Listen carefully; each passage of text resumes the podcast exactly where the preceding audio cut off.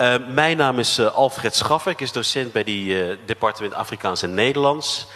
Ik is van oorsprong Nederlands, maar ik denk altijd zodra ik mijn mond openmaak, hoef ik dit eigenlijk niet te verduidelijken. Dat ik niet van hier is, niet. Ik weet, ik heb een dik accent.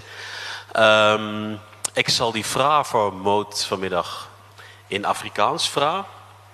Want mijn Afrikaans is zo Nederlands dat zij mij toch kan verstaan. En aan die andere kant, haar Vlaams, heb ik nou een paar keer gehoord bij mijn eigen student, is baie makkelijker om te verstaan als mijn Nederlands. Zo, ik denk niet jullie gaan baie problemen hebben om haar te verstaan.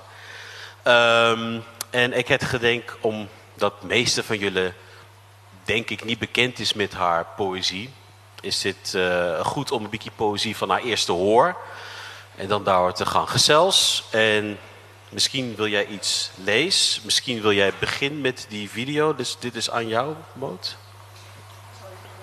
Ja. Dan ga ik je daarna goed introduceren. Goedemiddag. Ik moet straks al terug naar uh, België. Ik uh, heb hier één week kunnen verblijven. Ik heb zoveel indrukken in mijn hoofd zitten op dit moment. Ik heb zoveel gezien, ik heb zoveel meegemaakt. Ik heb zoveel uh, bijzondere mensen ontmoet.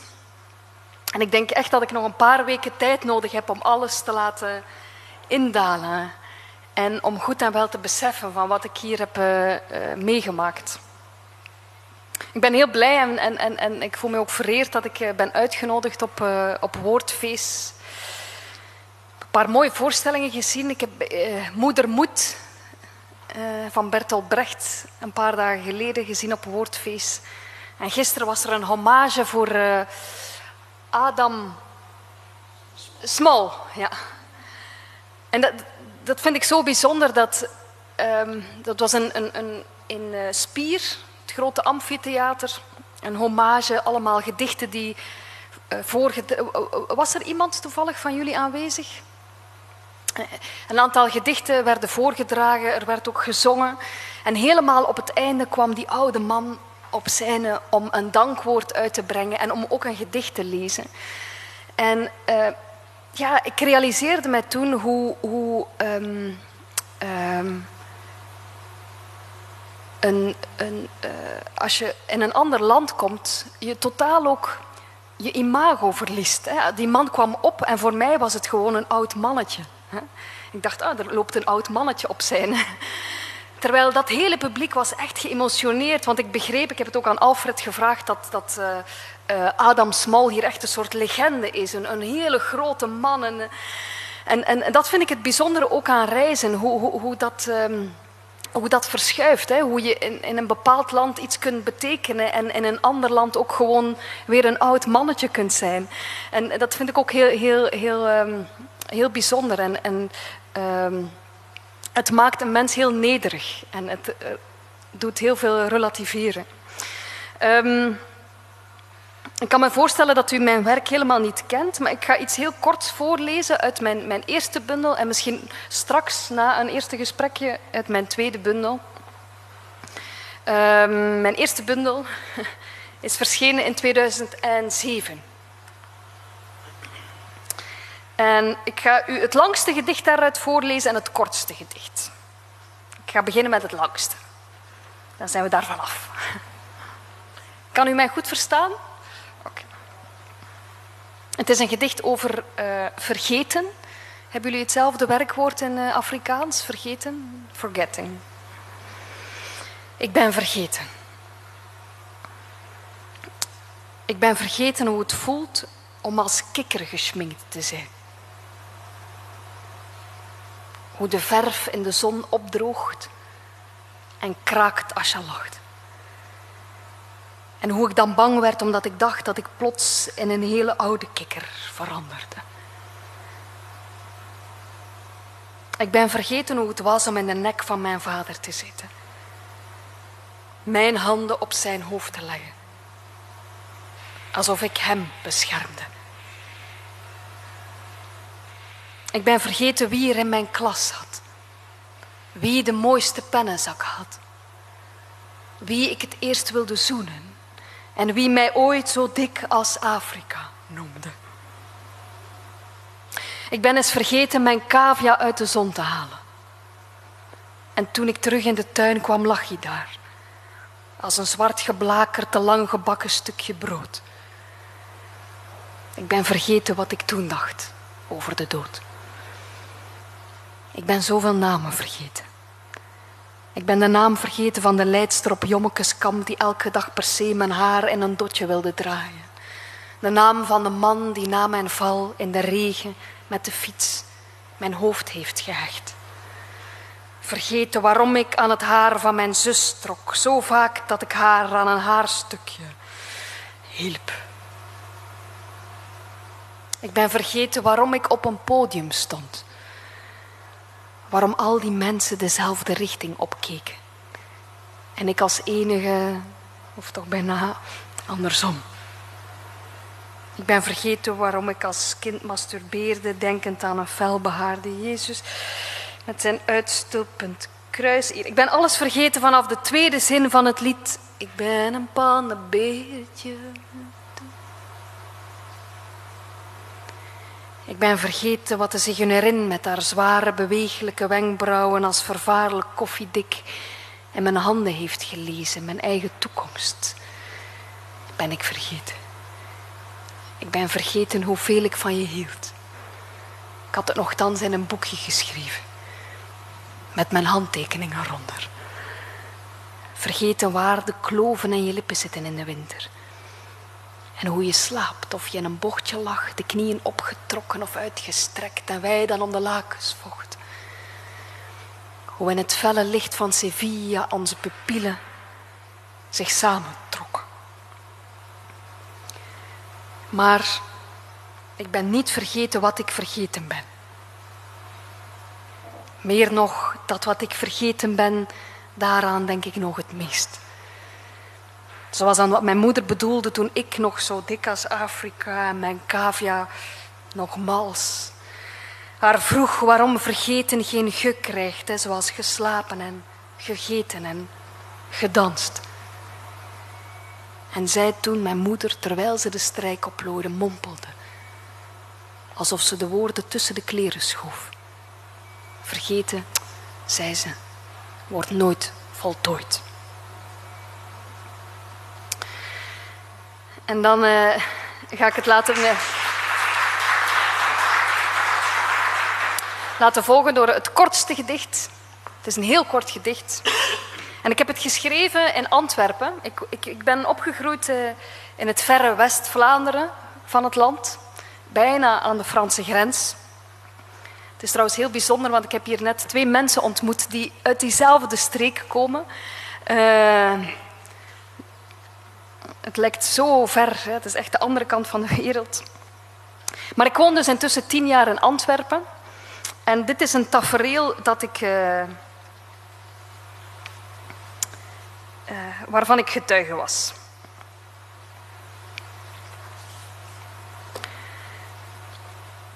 Er liepen twee vrouwen in een straat.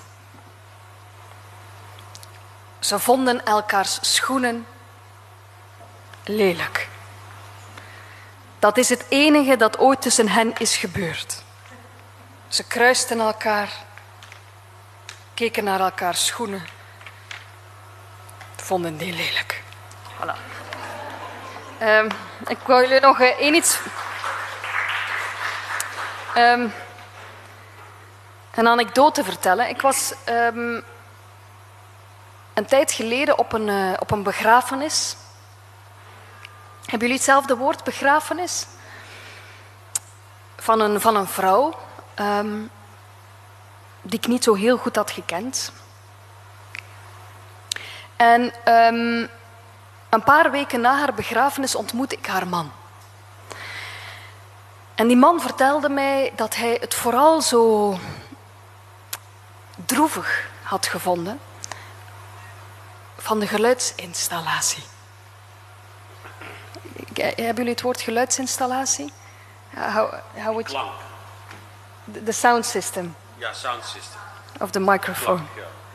We call it the sound system, geluidsinstallatie. Ja. Nu, ik vond dat eerst een beetje een vreemde opmerking. Um, maar later begreep ik hem.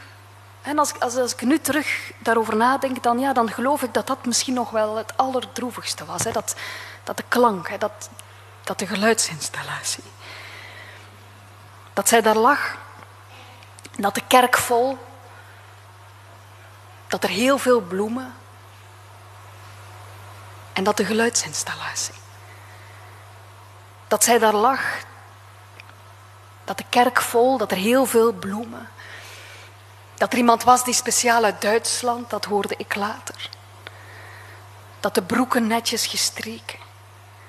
Dat haar zoon voor de gelegenheid zelfs nieuwe schoenen, dat er heel veel bloemen en dat de geluidsinstallatie.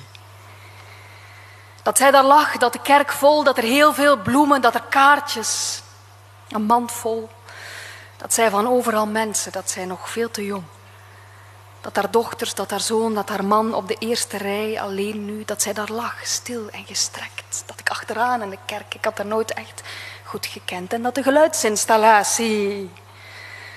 Dat zij daar lag, dat de kerk vol, dat er heel veel bloemen, dat er wierook. Dat de priester ermee zwaaide. Dat hij zei dat zij nu net zoals die wierook naar de hemel zou kringelen. Dat ik dacht naar de hemel kringelende wierook is werkelijk de slechtste metafoor voor een overleden moeder. Dat iedereen dacht, wat als mijn moeder ooit, wat als jij ooit, als de kerk vol, als er heel veel bloemen, dat op zijn minst de geluidsinstallatie.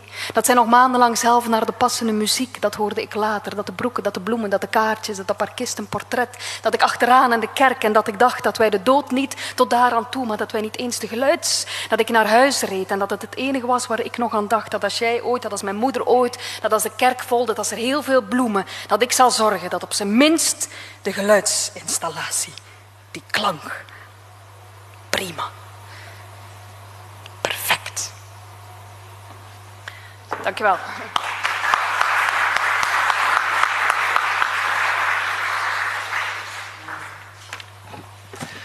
Zo, dan hebben we gelijk nou, het ons direct het ons een, voorsmaakje gehad van hoe dit werkt met Mout. Je denkt, je begint een gesprek met haar. En, en ze begint eigenlijk weer een gedicht citeer. Ik heb gedacht, je gaat een rechter anekdote voor ons vertellen. En toen is het een gedicht. Um, jouw achtergrond is drama. Je is een dramadocent. Um, nou, ons een klein beetje gezien hoe werkt dit eigenlijk met jou. Wat de functie dit heeft. Maar kan je nog iets meer daarover verduidelijken? Die rol van, van drama als opleiding en jouw poëzie. Ja, wij hebben uh, in Antwerpen een opleiding, de opleiding Woordkunst heet het. Het is een hele unieke opleiding. Het bestaat niet in Nederland, het bestaat niet in Engeland. En Frankrijk, Duitsland. Ik ken geen enkel ander land waar het bestaat. Hebben jullie het, die specifieke woordkunst als opleiding? Nee, ik denk niet zo niet. Hmm. het drama, dus die drama-departement. Ja, wel, bij ons is het een, een onderafdeling uh, van drama. Drama is de grote koepel. En binnen drama kan je uh, theater, echt acteren, uh, leren. Je hebt ook kleinkunst. En kleinkunst is meer um, in combinatie met muziek, zoals, hoe heet die Zuid-Afrikaanse uh, Vloknel, Gert Vloknel? Ja, dat noemen wij kleinkunst, hè, dus uh, liedjes en, en, en, en teksten gecombineerd. En dan heb je woordkunst, en dat is wat ik gedaan heb. En dat is een opleiding waarin je uh, teksten leert schrijven, maar ook op zoek gaat naar hoe je een tekst op een scène, op een podium brengt. Um, dus het is een soort van theateropleiding, maar uh, we worden niet getraind in het spelen van een rol. Ik ben niet echt een actrice. Ik kan me moeilijk inleven in een rol. Ik kan me alleen maar inleven in mezelf eigenlijk. Ja. Um, en in, in, in, teksten. Eigenlijk leef je niet in, in een rol, maar meer in een, in een tekst. Dat, daar, daar ligt het verschil. En ik heb daar zelf gestudeerd. Uh, dit trouwens was mijn afstudeerproject. Uh, dat was mijn eindwerk. Heel dun eigenlijk. Hè? Uh, aan de universiteit moeten ze zo dingen schrijven. Ik heb gewoon dit. Het was goed genoeg. Um, en uh, intussen geef ik daar dus uh, les ook. Ja. En, en, wat jij nou net als laatste voor ons gedaan hebt, hoe, wat is die merkbare invloed daar? Is het iets wat jij, kan je voor ons aanduiden wat jij geleerd hebt om het te doen zoals je nou net gedaan hebt? Dat je recht moet staan, ge, handengebruik. Want dat is hoe al die dichters lees. Hè? Dichters lezen zoiets. En jij staan, hè, kijk naar die zaal, gebruik je handen. Is dit iets specifieks wat je daar geleerd hebt of komt dit uit jezelf ook? Um, het is de combinatie natuurlijk, maar het is altijd de zoektocht van hoe je een beeld dat op een blad papier staat ook in een theatrale ruimte kunt brengen. En dat lukt niet altijd. Hè. Het voorlezen van poëzie is naar mijn gevoel eigenlijk onmogelijk. Het, um, maar die onmogelijkheid vind ik heel interessant en intrigeert mij en blijft mij fascineren. Ik vind het zelf, bijvoorbeeld als ik in een, in een zaal zit en iemand staat vooraan uh, poëzie voor te lezen, heel moeilijk om mij te concentreren. Uh, eigenlijk 90% van de woorden die dan gezegd worden, die gaan aan mij voorbij. Dus ik ben mij er ook van bewust als ik daar sta, en, en u spreekt dan eigenlijk nog eens een andere taal, hè, uh, dat 95% van de woorden die ik gezegd heb misschien wegvliegen. En dat is heel frustrerend natuurlijk, hè, want ik zou eigenlijk willen dat jullie alles uh, vatten. Maar het, het, het, um, het, het, blijft mij wel uitdagen. En ik, ik, probeer dan vooral te zoeken van hoe je die, die woorden kunt lostrekken van het papier. En um, ja, in de mentale ruimte daar uh, zetten. Ja. Het, um, en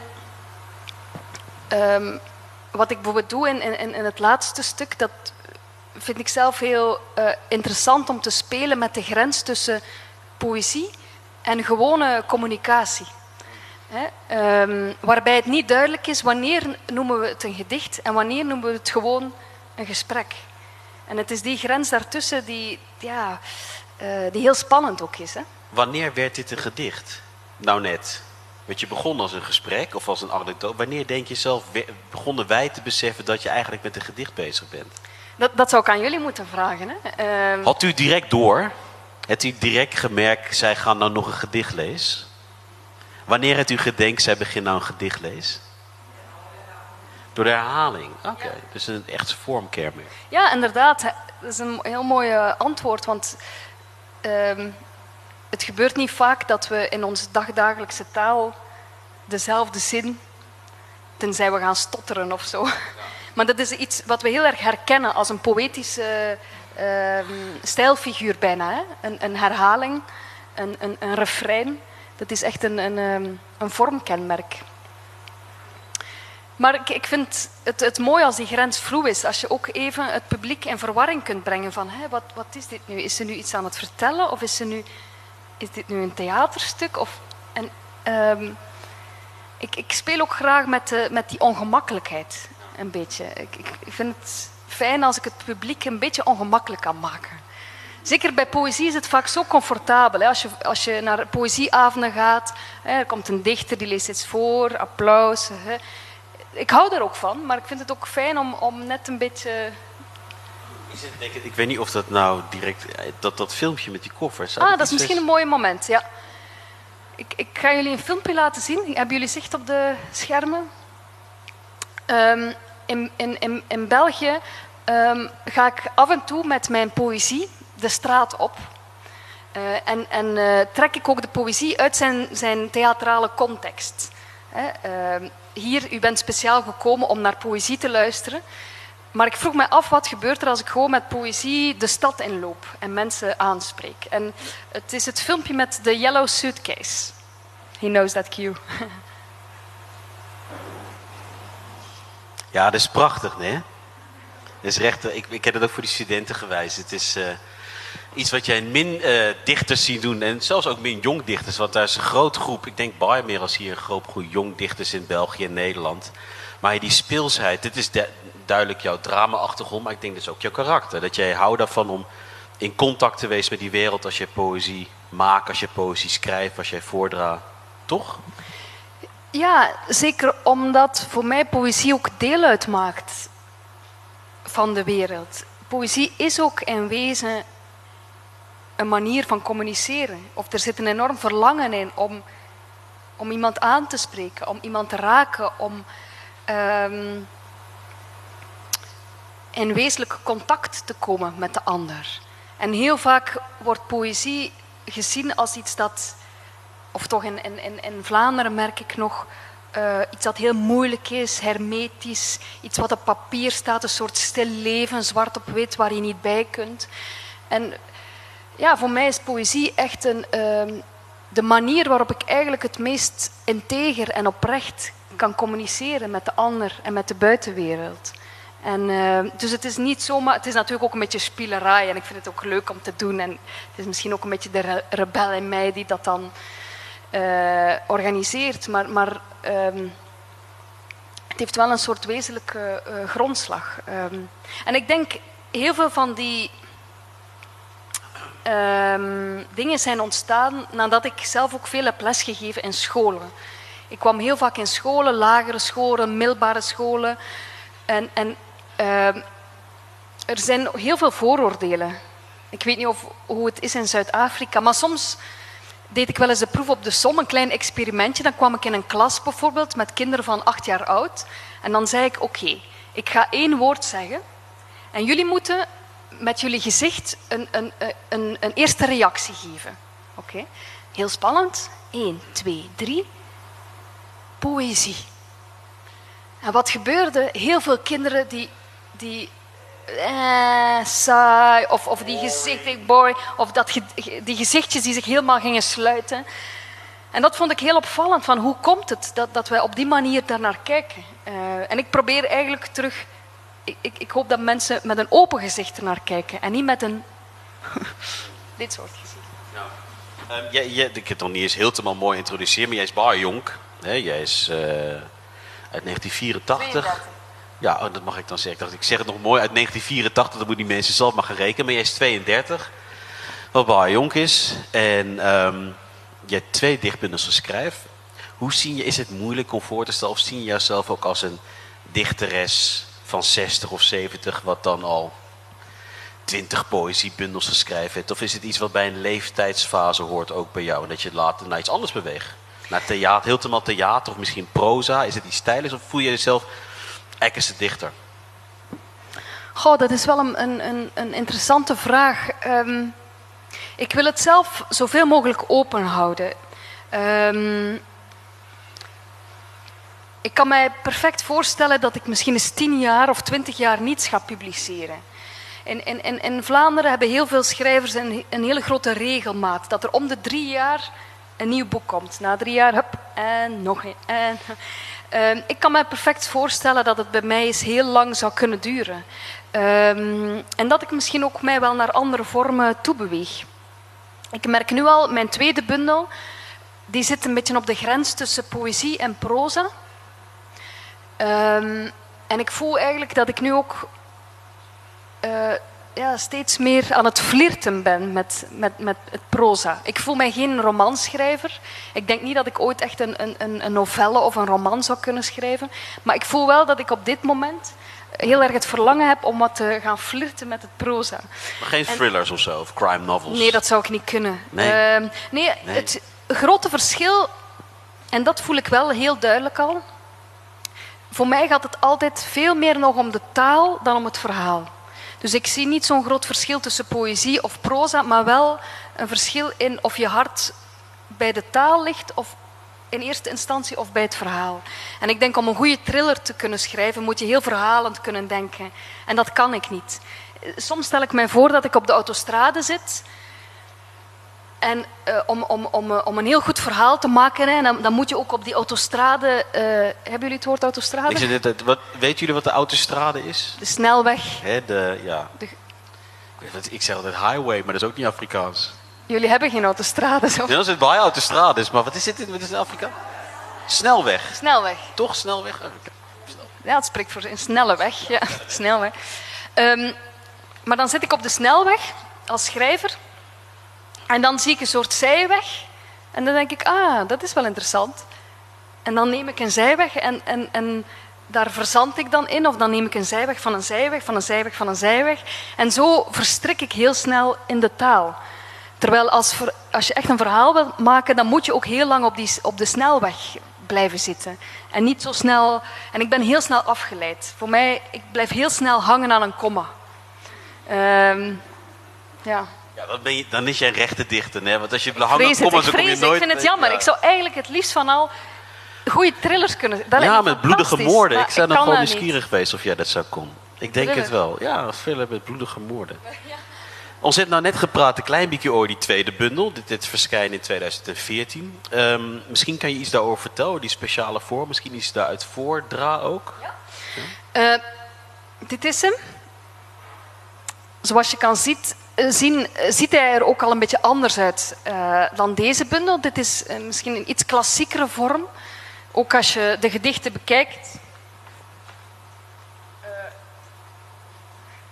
de teksten zien er ook echt uit als gedichten. Hè. Zelfs als je van op afstand, je kan het niet lezen, maar als ik u dit laat zien, dan weet u meteen, ah, dat zal wel een gedicht zijn, toch? Terwijl als ik u dit laat zien, ja, dit, is minder klassiek uh, in, in, um, in zijn vorm. Um, en ik ben daar eigenlijk tussen deze twee bundels heel erg over gaan nadenken. Over uh, wat mogelijke vormen zijn. Ik realiseerde mij na deze publicatie dat ik heel automatisch eigenlijk, zonder uh, daar veel over na te denken, voor die vorm had gekozen, voor de klassieke vorm. En dat ben ik in vraag gaan stellen. En ik dacht, ja, eigenlijk moet een dichter bij elke nieuwe boek, bij elke nieuwe bundel, een nieuwe vorm ook uh, bedenken. Want zeker bij poëzie, inhoud en vorm die gaan hand in hand. Hè. De vorm is heel essentieel.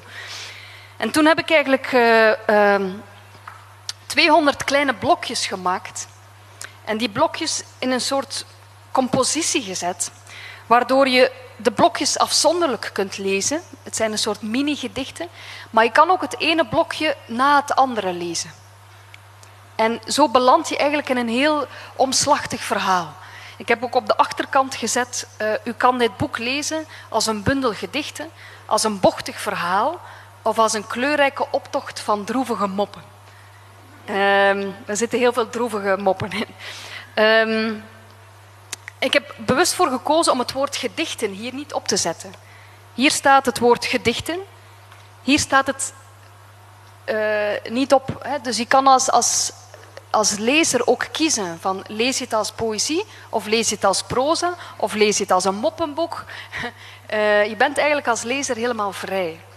Um, en misschien is het wel goed om nu even het, het filmpje te laten zien met, uh, dat ik gemaakt heb om, om de bundel voor te stellen. En dan kan je heel goed ook die blokjes zien. Can we see the, the second video, please?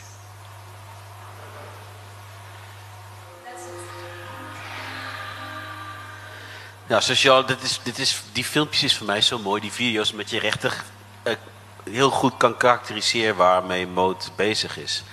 En is die klein poëzie puur gefocust op taal, maar ook gefocust op intermenselijke contact. Als ik denk aan Afrikaanse dichters, denk bijvoorbeeld aan Ingrid Jonker of Sheila Cousins. Ook die heel klein, fijn waarnemings.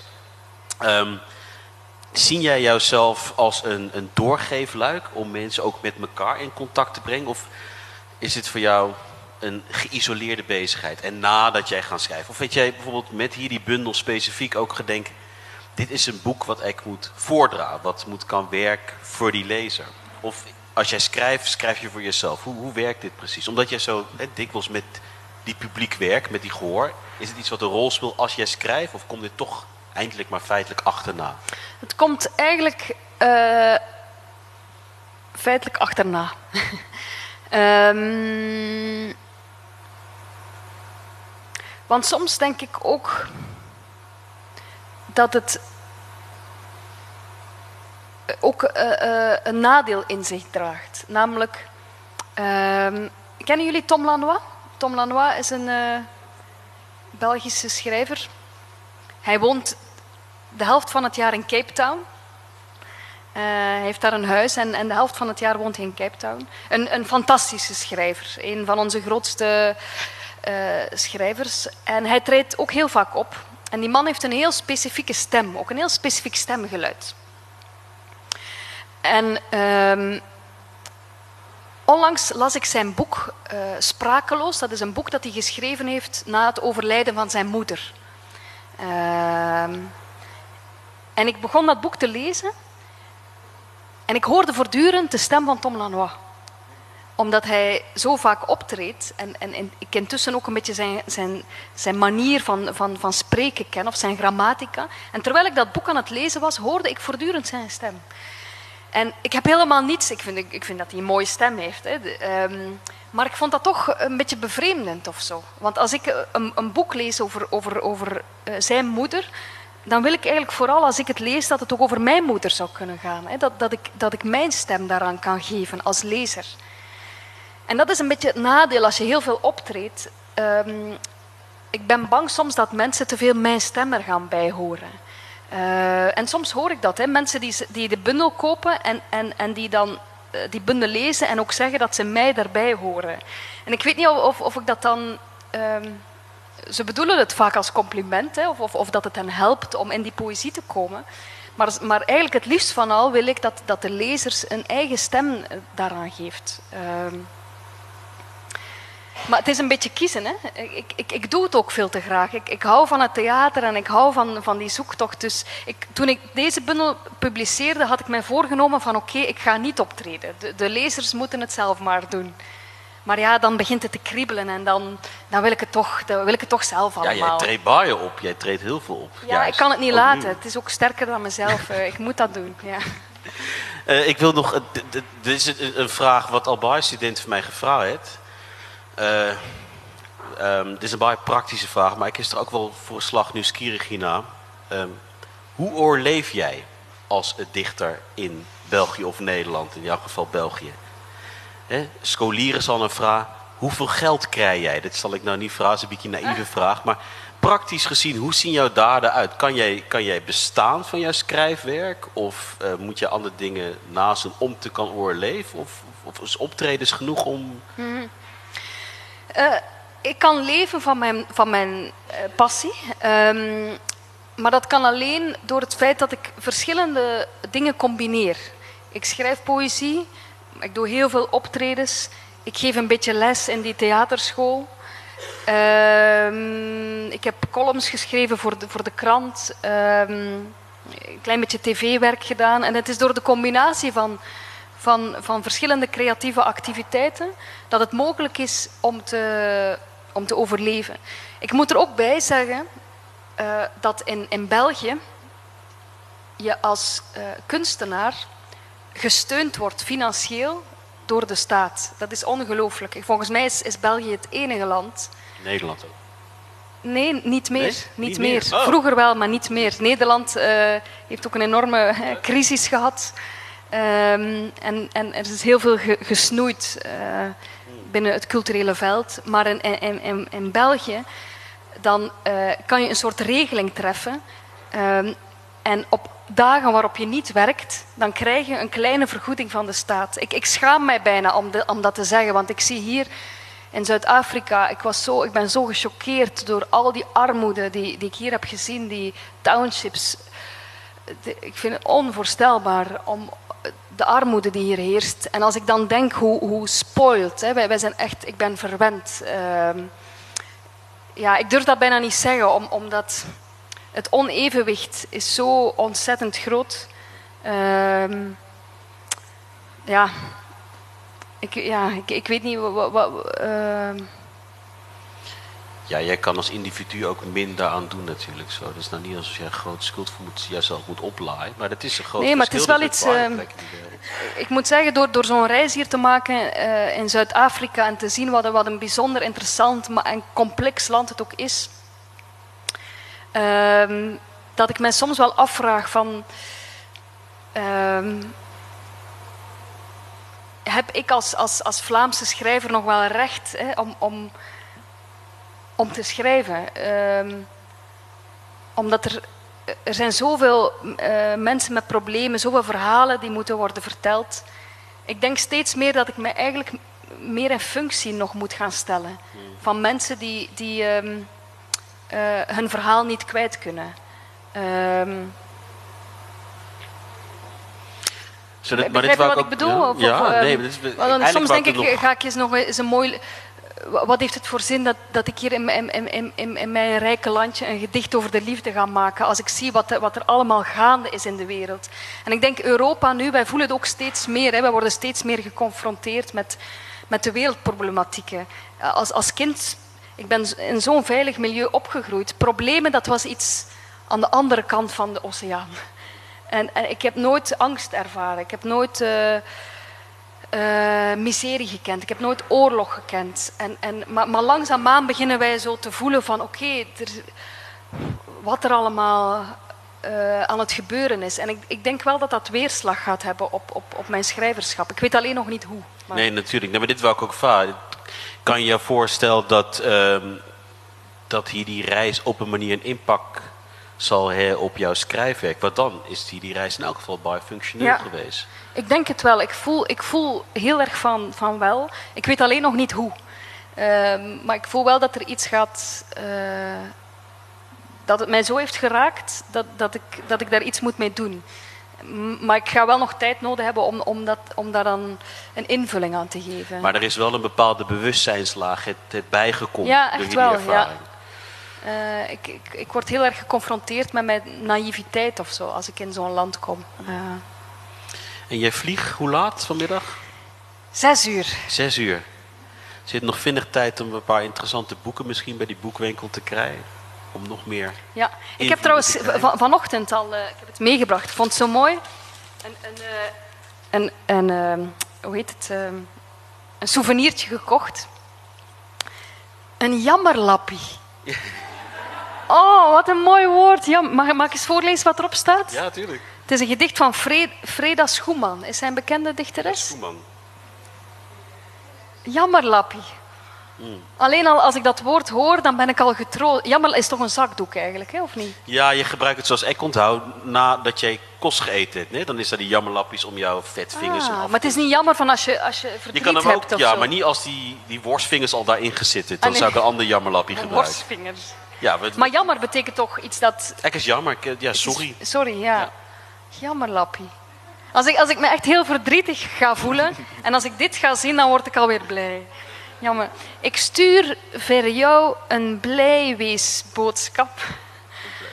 Wat geluk in jou kan opbreek en vrede zoals een postduif op jouw dak laat zitten. Prachtig. Dat is zo schattig. Ik denk ja. op die manier luistert, men hier, oh, luistert mensen hier ook naar jouw Vlaams. Jezus, het is toch Ja. prachtig, die Vlaams. Dus ik kan me zo indenken. Eh dit is amper tijd eh, voor nog een paar vragen. Als jullie vragen hebben. Maar ik heb gedacht, als afsluiting zou je nog iets willen lezen uit jouw laatste bundel. Wij zijn evenwijdig. En dan is er nog kort geleentheid voor vragen als jullie vragen hebben. I'm just gonna read something and then I can ask some questions. Ehm, ik vertelde al, je hebt die verschillende blokjes. Je kan die blokjes combineren, je kan daarmee puzzelen. En ik ga een, een klein puzzelgedicht maken en dan eh, lees ik nog een paar vragen voor. Ik heb geen paginanummers eh, in het boek, dus waardoor ik ook zelf altijd verdwaal. Eh, en jullie gaan zeker een aantal verzen herkennen. Het is een, een gedicht vanuit twee perspectieven. Er komt een vrouw naar mij toe. Ze zegt: Wij zijn evenwijdig, raken elkaar in het oneindige. Laten we rennen. Zullen we wachten? Zullen we wachten tot de kinderen groot zijn en de aardbeien rood? Ze zijn te bleek nog, te klein, te hard. Zullen we wachten tot de avond valt en de nacht waarover wij nog één keer willen slapen? Ze haakt haar arm in de mijne tot een limniscaat. Zullen we wachten op een eerste stap zo reusachtig dat je makkelijk een tent tussen onze benen spant, waarin nieuwe kinderen kamperen, aardbeien rijpen en niemand nog buiten de zomer kan. En we rennen. Met onze armen zwaaien wij een maat die bij ons past. En dan eindig ik met een aantal eh, vragen. Eh, de bundel eindigt met een aantal open vragen. Wat doen we met de vrouw die plots haar armen spreidde? Wilde ze me omhelzen of wees ze twee richtingen aan? Wat doen we met de schrijver die zijn boeken niet uitgaf? Want zolang de vruchten niet zijn gevallen, rotten ze niet. Wat doen we met de man op de brug? Hij tuurt in de verte en zegt: Ik kan ervan meespreken. Wat doen we met de man die zichzelf met een das heeft opgeknoopt?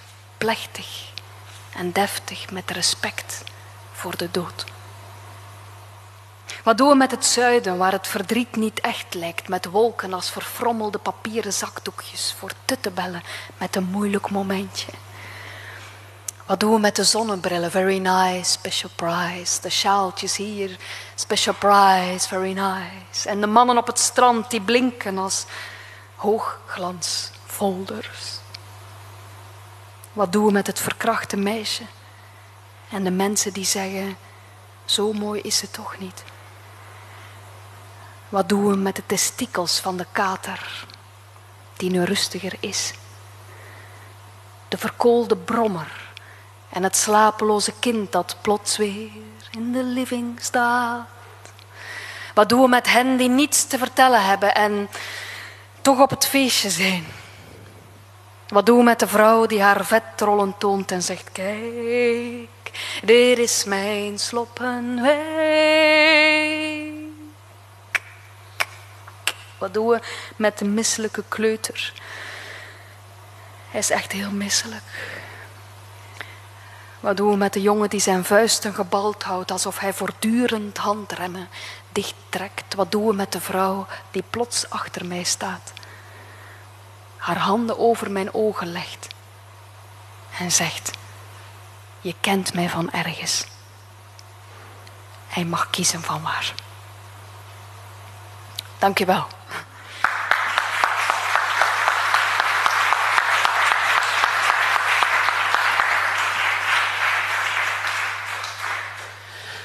Is daar tot slot, er zit nog zo'n paar minuten, enige vraag uit uw gehoor?